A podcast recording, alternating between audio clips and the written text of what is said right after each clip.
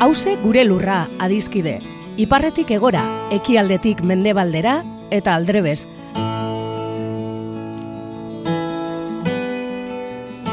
Lurra bakarra dugu edo gaituen lur bakarra da hause. Eta zaintzak dan hori dagokigunez, hemen horretaz egingo dugu berba. Lurraren zaintza kontu ekonomiko, ekologiko eta politikoa da, baita kulturala, kolektiboa eta publikoa.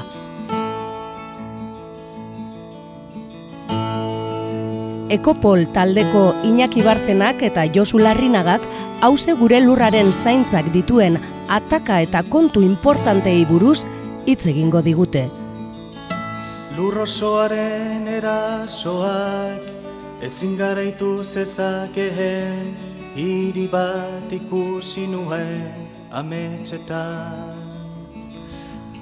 Entzuleok agurtardi hemen gaude berriro hause gure lurra irratza joan eta gaurre Iñaki Barzena daukagu, EHUko irakaslea, Ekopoleko e, burua, Ekopole ikerketa taldeko burua, eta Iñaki klasiko egin zatoz gaur. Bai, gaur e, ekologismoaren e, eztabaidak e, aztertuko ditugu, baina nolabait klasikoetara jotzen, eta gaurko iz, izen titulua ipini dut ezer berririk ez eguzkipean, ez? Hori Biblia esaten da nil nobun zuzole, ba hori, ba, ez dago ezer berririk eguzpigean. Eta, bueno, ba, Ernest García, Ernest García da e, e, Balentziako irakasle bat, soziologo bat, eta soziologia, ingurumen soziologia aritzen dana, eta idatzi berri du liburu bat oso interesgarria, ekologia e igualdad e, hacia una relectura de la teoría sociológica en un planeta que se ha quedado pequeño, ez? Orduan, berak que paspaldiko partez, bueno, ja irakasle zera, eh, lanak ja bukatu ditu eta eta bueno, ba, liburu honekin eztabaida ekologista batzuk eh, plazaratzen ditun, historian zehar berreunda berrokota marrutetik ona, izan direnak, ez? Hor adibidez, ekologia e igualdad hor nolabait eh, berak planteatzen duena Mars eta Maltuz biok kondu behar ditugula ulertzeko ba, zen olako, bueno, gauzak ditugun e, eta bere lana da, bueno, ba, jatorrizko testuetara, iturrietara jotzen du eta hainbat eta hainbat e, bueno, klasiko errepasatzen ditu bere, bere lanean, ez? Nik gaurre gaurko Zaioan, e, ba, e, komentatuko ditut hiru hiru autore, ez? E, Maltuz alde batetik, Condorcet, e, irautzaile frantsesa eta Gibbons, ez? E, e, Gibbons el paradojarena. Hiru hoiek aikoratu ditut, baina hor liburuan agertzen dira Mars, agertzen da e, Kropotkin, agertzen dira autore pilo bat, ez? Baina liburuaren bueno, ardaz nagusia da, berak esaten du, eh, overshoot edo, bueno, edo mugetatik gaindi ibiltzea. Ez? Kolapsologia da gaur egun oso modan dagoen zientzia. Kolapsoaren etorrera, kol, kolapsoa, bueno, ekosoziala, ba, nola bai saieste dela, esaten du Ernest García, eta berak esaten du, Jorge Reismanek esaten du bezala, ba, hobe kolapsatzea eh, modu lasai batean, eh, eta hori da liburuaren helburua, ez? Liburua idatzita dago bebai umore azidoaz, umore beltzagaz, eta berak esaten du, liburu hau, teoria soziologika en un planeta que se ha quedado pequeño, ba, esaten du, idatzi duela, e, idatzi zezaken momentu bakarrean, ez? No, gaur egun, Europako Unibertsitatetan, Europako Bibliotekatan, testu e, hauek e, digitalizatuta daude, Eta berak esaten du, hogei urte barru, segurazki ez dala izango posible, berak bere etxetik konsulta horiek egitea, ez? Eta, bueno, ba, liburuan esaten dituen gauzak adibidez, interesantea dira, berak esaten du, ekologista guztiak nahi ala ez, maltusiarrak garela edo direla, ez? Zergaitik, ba, nolabait, e, ba, denok mugak, gure planeta handi, amalurra honek dituen mugak, hartzen e, baititugu, ba, nola baita referentzi moduan, ez? Eta liburuan e, horretaz, e, aritzen da, e, mugak eta eskasia, berak esaten du, mugak eta eskasia ez dala gauza bera. Eta bueno, ba, hasiko naz lehenengo autorearekin, lehenengo autorea berak esaten du, kondorset, kondorset e, markesa, ba, dala garapen sustengarriaren asmatzailea. Hm? Eta kondorset, e, bueno, Frantziako irautzaren garaian, ba, Frantziako Zientzia Akademiako ba, matematikari eta politikaria izan zen, asamblea konstituyente horretan parte hartu zuen, baina kondorzetek ez zuen asmatu, antza, bueno, ka, markesa zela eta girondinoekin, ez badakizue, Frantziako asamblea konstituyente horretan, eta horiek biltzen ziren Judeval, hori frontoi batean, eh, biltzen ziren horiek, eskerrean, egon ziren jako, jakobindarrak, eta eskuinean girondinoak. Eta hau girondinoa zen, girondinoa bai, baina e, tipo honek adibidez planteatu zuen erreforma, eskuntza reforma potente bat, adibidez laikotasunean oinarrituta, eta Frantzia iraultzaile berrirako eraketa, bueno, oso bat ematen zuen, baina deigarria da nola emakumen alde borrokatzen zuela, ez? E, e, emakumen aldeko jarrera aktibo eta bikaina hartu zuen, eta emakumen botoen alde agertu zan gara horretan. E, goratzen badugu, ba, Olimpik de Gux eta beste irautzaile emakumeak guillotinati pasatu zituela Robespierre jaunak, ez? Eta hori, giza eskubiren defentsa arduratzen zen, emakumeak, juduak, beltzak eta bar, eta garai horretan, estatu batuetatik zetozen ideia irautzaile berri horiek, zer, e, estatu batuetako independentzia eta irautza lehenago izan zen, ba horren alde, horren alde egiten zuen. Baina hori, Girondinoen e, taldean izendaturik, ba, ba, bere kontrako e, kartzela zigorra esarritu zioten eta alde egin zuen eskapatu zen.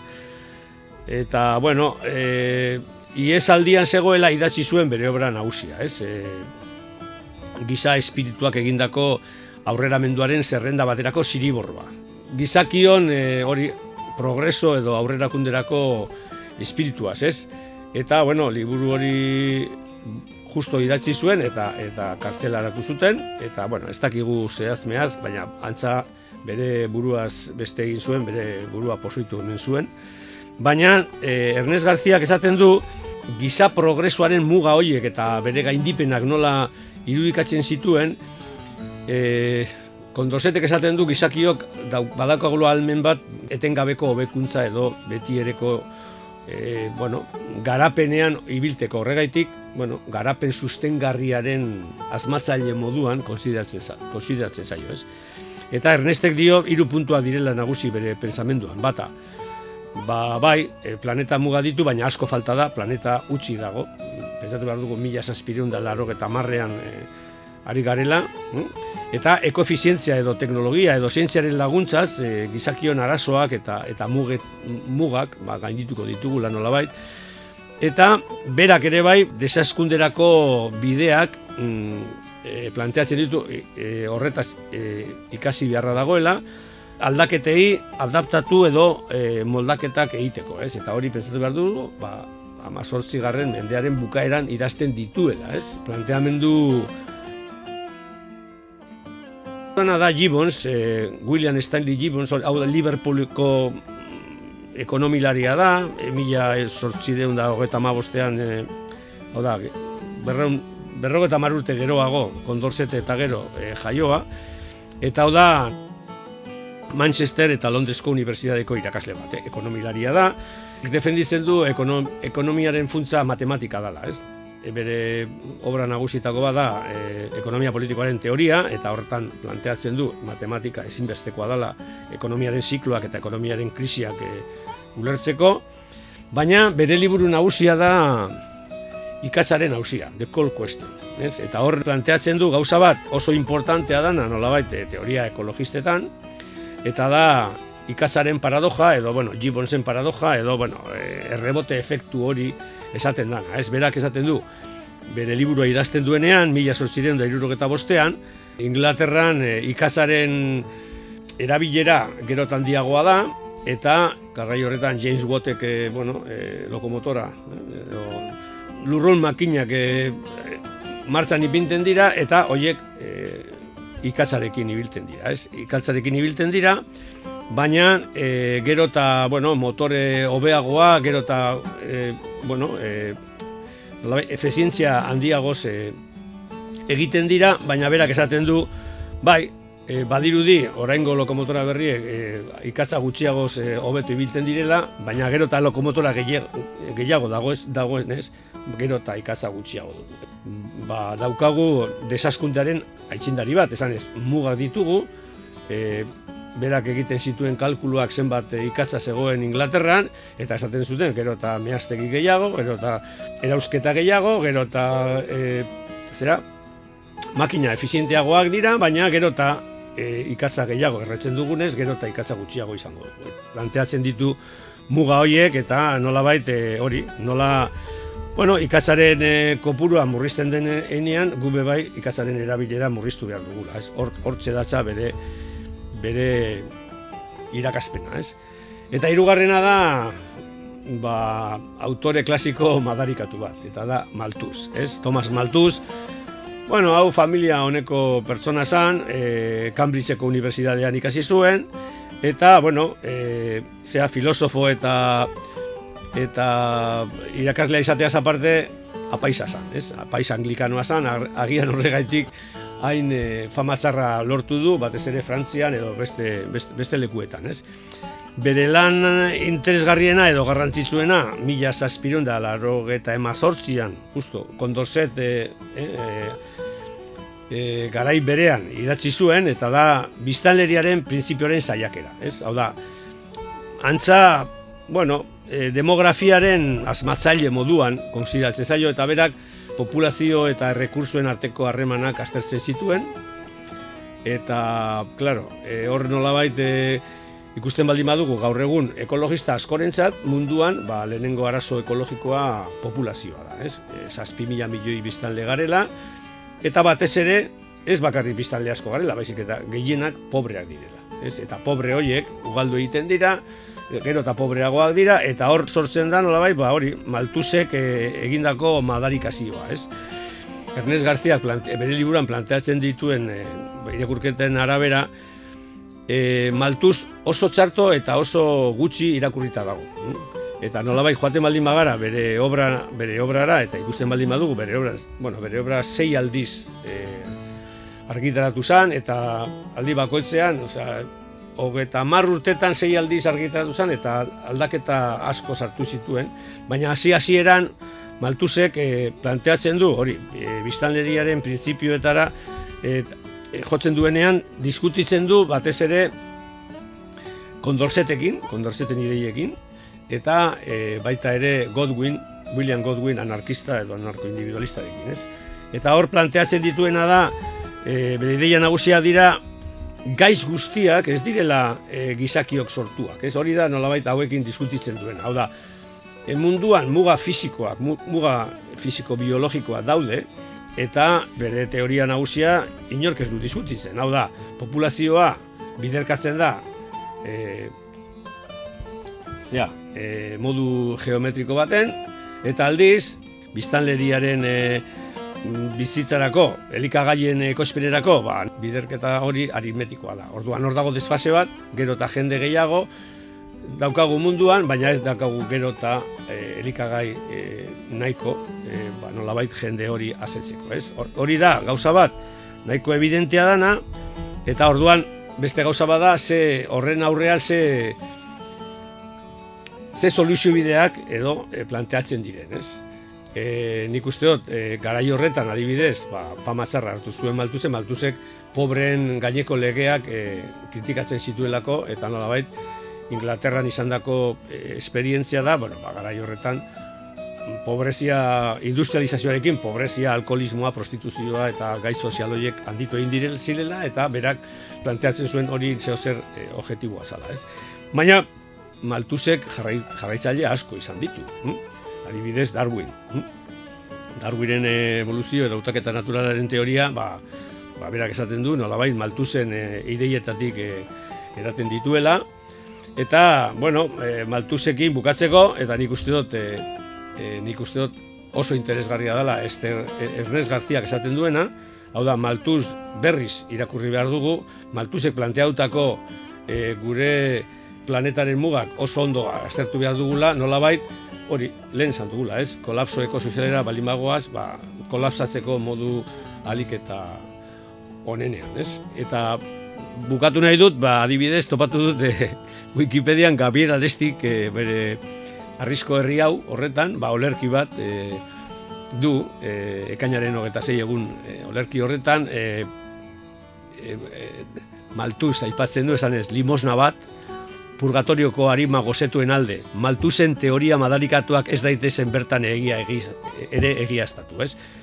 Ba, bueno, ba, pentsatzen dut, e, bueno, e, denok e, daukagula Maltuzen gaineko e, ideia oso negatiboa eta agian tipo honek, naiz eta apaisa anglikar, anglikano izan, merezi du bere ber irakurketa bat, eta honekin batera, e, eta Ernest García planteatutako bidetik, klasikoak, eh, duela berreun da berrogeta marrutetik ona, planteautako eztabaida ekologistak oso eh, bai garapen sustengarriari buruz, bai desaskundiari buruz, bai populazioari buruz, ba, bueno, esan da daude, eh, ikas dezagun, eh, bueno, historiatik, eta, bueno, planteatu dezagun gaurko gaurko egoeran, ba, zenolako, ba, nolabait, eh, aktualizazioak eh, izan behar dituzte. Edertu Iñaki, ekologismoa maltuztarra da, edo izan behar da, edo hori planteatu duzu Ernest Garziaren e, eskuz, baina nik esango nuke ekologismoa eta ekologistak maltuztarrak e, e, omen garela, baina gogoren kontra eta askotan e, e, hau da, nik esango nuke eko, e, urte askotan ekologismoaren itxu puntua izan dela populazioa da. Begiratu nahi ezen e, zera, eta nire ustez, ez dakit hori planteatzen dut, e, galdera moduan, ezote da, hain zuzen ere, bueno, maltu zen atzetik e, Mars ere etorri zen, e, polemika, e, polemik, polemizatu zuen e, maltuzekin, eta claro, Marsen e, e, teorizazioan, ba, e, zera, e, produkzio indarren eta produkzio bitartekoen e, handitzarekin, e, hau da, Mars Prometeikoarekin, ba, arazoie konponduko ziten ez da, eta ni ustez hori, ba, ekologismoaren bait, eskerrarekin,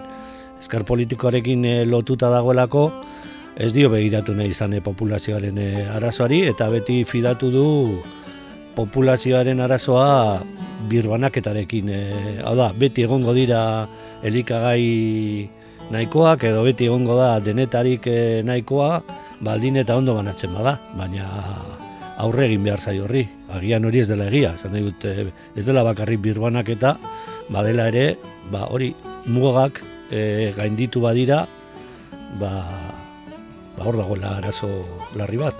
Bai, e, nik uste dut bi, bi maltuz diferenteak ditugu, ez? Bata da maltuz moralista religioso nolabait pobreziaren gaitzak e, nolabait e, e, zartu ikusten dituen eta nolabait pobrezia eta pobrei nolabait leporatzen die nolabait e, gizartearen bueno, ba, endekatze prozesuak eta bar eta beste bada e, nolabait e, intelektual eta eta eta zientzilaria, ez? Nolabait hori, ba, lehen komentatu duten bezala, E, claro, e, Mars eta beste askok esaten dute, e, bueno, e, produktu biden garapenarekin eta industrializazioarekin, e, teknologiekin, ba, bueno, mm, nolabait e, nekazaritzak edo nolabait elikaduraren produzio horren kontuak e, soluzionatuko dira. Baina gaur badakigu ez ez. Badakigu, adibidez, ba, bueno, ba, teknologiekin eta nolabait zientziarekin, gauza batzuk apaldu egin daitezkela edo nolabait lorpen batzuk lortu daitezkela, baina mugak jarraitzen dute izaten. Asuntua da, e, nire ustez, e, populazioaren mugak non dauden. Hm? E, Paul eta hauek idatzi zuten e, population bomb, ez? E, populazioaren e, bomba edo, edo lergailua, ez? E, esateko, ba, bueno, ba, bide on, honetatik jarraituz, ba, nolabait, e, 2000 eta egun garren urterako, ba, nolabait, planeta guztiz gain populatu egongo dela, eta ez, bueno, hor dago asuntu bat importantea dana, eta da, e, pobreak zentzu diren, nortzu diren, eta pobreek zenbat material eta zenbat, energia, zenbat energia gastatzen duten. hor dago nolabait, populazioaren gainean planteatu behar den gauza bat. Egia da, egia da, e, Euskal Herrian, Europan edo, edo, edo planetan, e, jende gehiegi baldin bagara, nolabait, ba, e, gure ekosistemen mugak, ba, ba, bueno, e, ezagutuko ditugu eta eta problemak izango dira. Hori evidentea da. Baina beste gauza bada, Da, nire ustez, e, ekologismotik egindan e, leporatze bat e, pobrei, esan ez pobreak zuek zarie e, nolabait e, arazo ekologikoa, ez? E, zergaitik asko zaritelako eta errekurso asko konsumitzen duzuelako. Nire ustez hori ez da irakurketa zuzena, zeren arazo ekologikoen e, nolabait e, arazo sozioekologikoen e, kausatan e, asimetria oso handia dela, ez? Nolabait lehenengo munduan bizi garenok eta eta gure bizi moduan naiz eta gutxiago izan ba, energiaren aldetik eta material, materialen erabileren aldetik asko handiagoa da. Eta e, nolabait bigarren mundutik e, bigarren mundu gerratik ona, nolabait klase medioen zabaldukunde horren e, ostean, ba, ikusi dugu, ikusi duguna, hau da, ba, nolabait gure ekosistemen e, bueno, ba, mugak oso oso evidentiak direla, ez? Orduan, bai, e, ez daukagu e, ditugun mugak e, muga fisiko-biologikoak, e, hau da, uraren e, zikloa, uraren zikloa da, edo, edo hidrogenoarena, edo, edo, edo nitrogenoarena zain nuen. E, Oiek hor daude eta guk ezin ditugu aldatu. Ez? Ezin ditugu gizakiok aldatu, ez teknologikoki eta ez da e, zientziaren bitartez. Orduan, onartu behar ditugu muga hoiek eta jakin behar dugu mm, nolabait muga hoietan bizi izateko populazioa ezin dala izan, e, bueno, e, edo e, kopurukoa, ez. Baina nik enuk esango, nik enuk esango, asko esatu duten bezala, mundu honetan arazo ekologiko edo sozioekologiko eta pobreak direla. Asko direlako eta gehiagi konsumitzen dutelako. Ni horretan enagoaz. E, horretan adoz, ni baineki. E, beste kontutxo bat honekin lotua. Claro, maltu zen e, teoriak nola ere eta profesiak gainditu eman ziren, hain zuzen ere, atzetik etorri zelako iraultza berdea deitu den e, madarikazio hori ez da, da, e, nekazaritzaren industrializazioa, e, hau da, ongarri kimikoak, e, petroleotik eratorriak, eta mekanizazioa, eta guzti horrek eragin zuen, hain zuzen ere, e, nekazaritzaren produktibitatea, eta ganaderitzaren produktibitatea, progresio geometrikoan e, aritzea, eta orduan nolabait horrek ba, e, ba, kolokan jartzen zuen e, maltu zen zera, baina karo, orain badakigu, hori izan zela, ba, zera, astoa saldu eta burro erosi e, esaten denez, ez da, e, problema handiagotu da, ze horrek ekarri du, nekazaritza eta ganaderitzaren e, astarna ekologikoa eta karbono astarna eta bar, askozaz handiagoa izatea,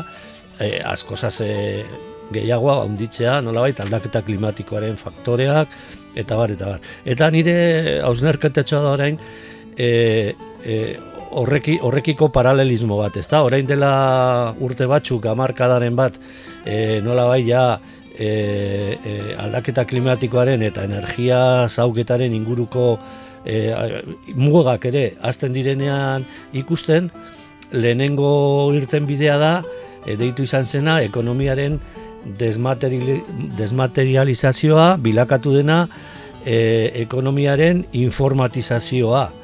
Eta orain badakigu ere informatizazio horrekin e, ba berriz ere energiaren e, zera guztiak, indikadore guztiak kontrara doa zela, ezta? Baina beti ematen du bilatzen ditugula e, konponbideak epe motxera, epe luzera, konponbidea baino arazo handiagoak e, bilakatzen direnak. Eta momentu honetan, ba, hor gaude ere, berriro, berriz ere, e, Europar batasunaren e, estrategia guztia e, COVID inguruko zera atakatik irteteko, berriz ere da, digitalizazioa, lehen informatizazioa esan dut digitalizazioa da hobeto, ezta?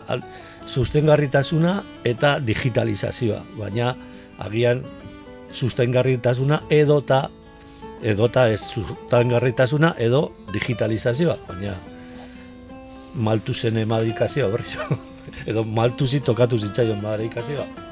Bai, bai, guztiz adoz, e, e, gizakiok, e, bueno, zikira materialismon oinarri ziristen dugunok eta material, materialista gure burua jotzen dugunak badakigu ba, ezin dela pertsona bat edo ekosistema bat mantendu nolabait e, asintu espiritualekin, ez? Eta planteatzen dugunean digitalizazioa, digitalizazioa ez dator zerutik, digitalizazioa da, bueno, prozedura matematikoak eta eta informatikoak erabiliz, nolabait, bueno, ba, ba, ez dakit, komunikazioa edo, edo prozesu bueno, e, industrialen nolabait e, azelerazio bat.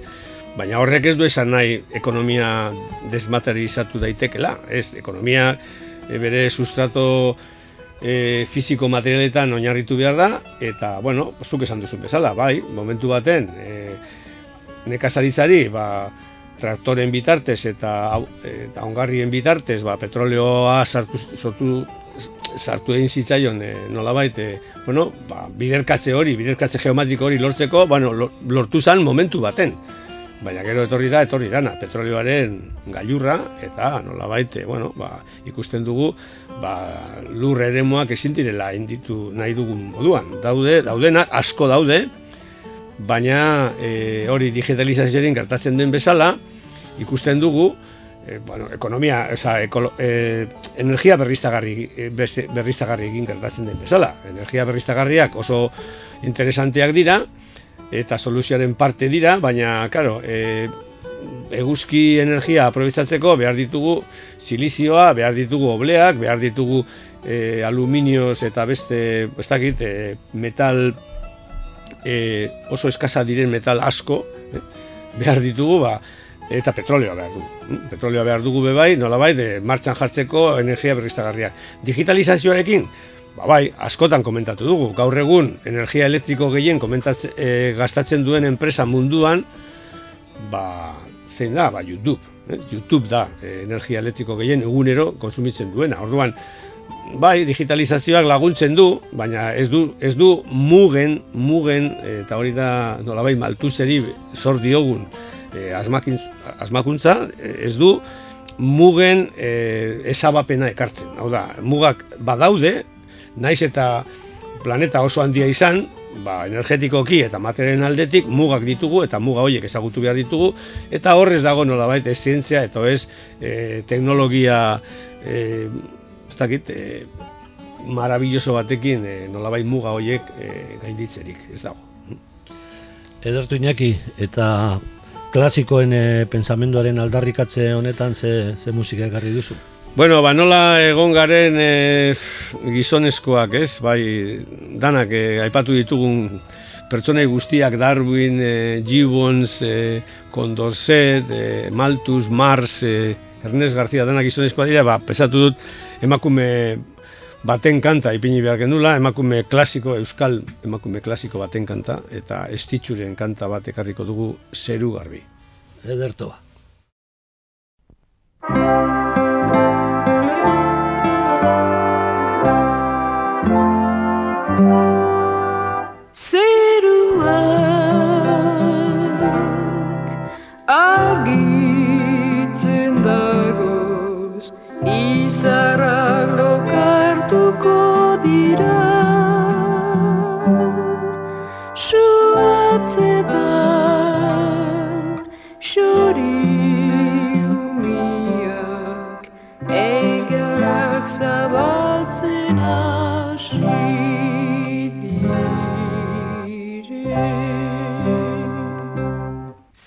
Gabi gabi قلبي قلبي الشوريك قالت لوريك صباح لديرة تركك niiga rees pissin öis mennia seruetan vessin ongi panid vesele serua kärbi kärbi ja šuliaki kälis looriaks apalludid et terkak niiga rees pissin öis mennia seruetan vessin ongi panid vesele garbi xuriak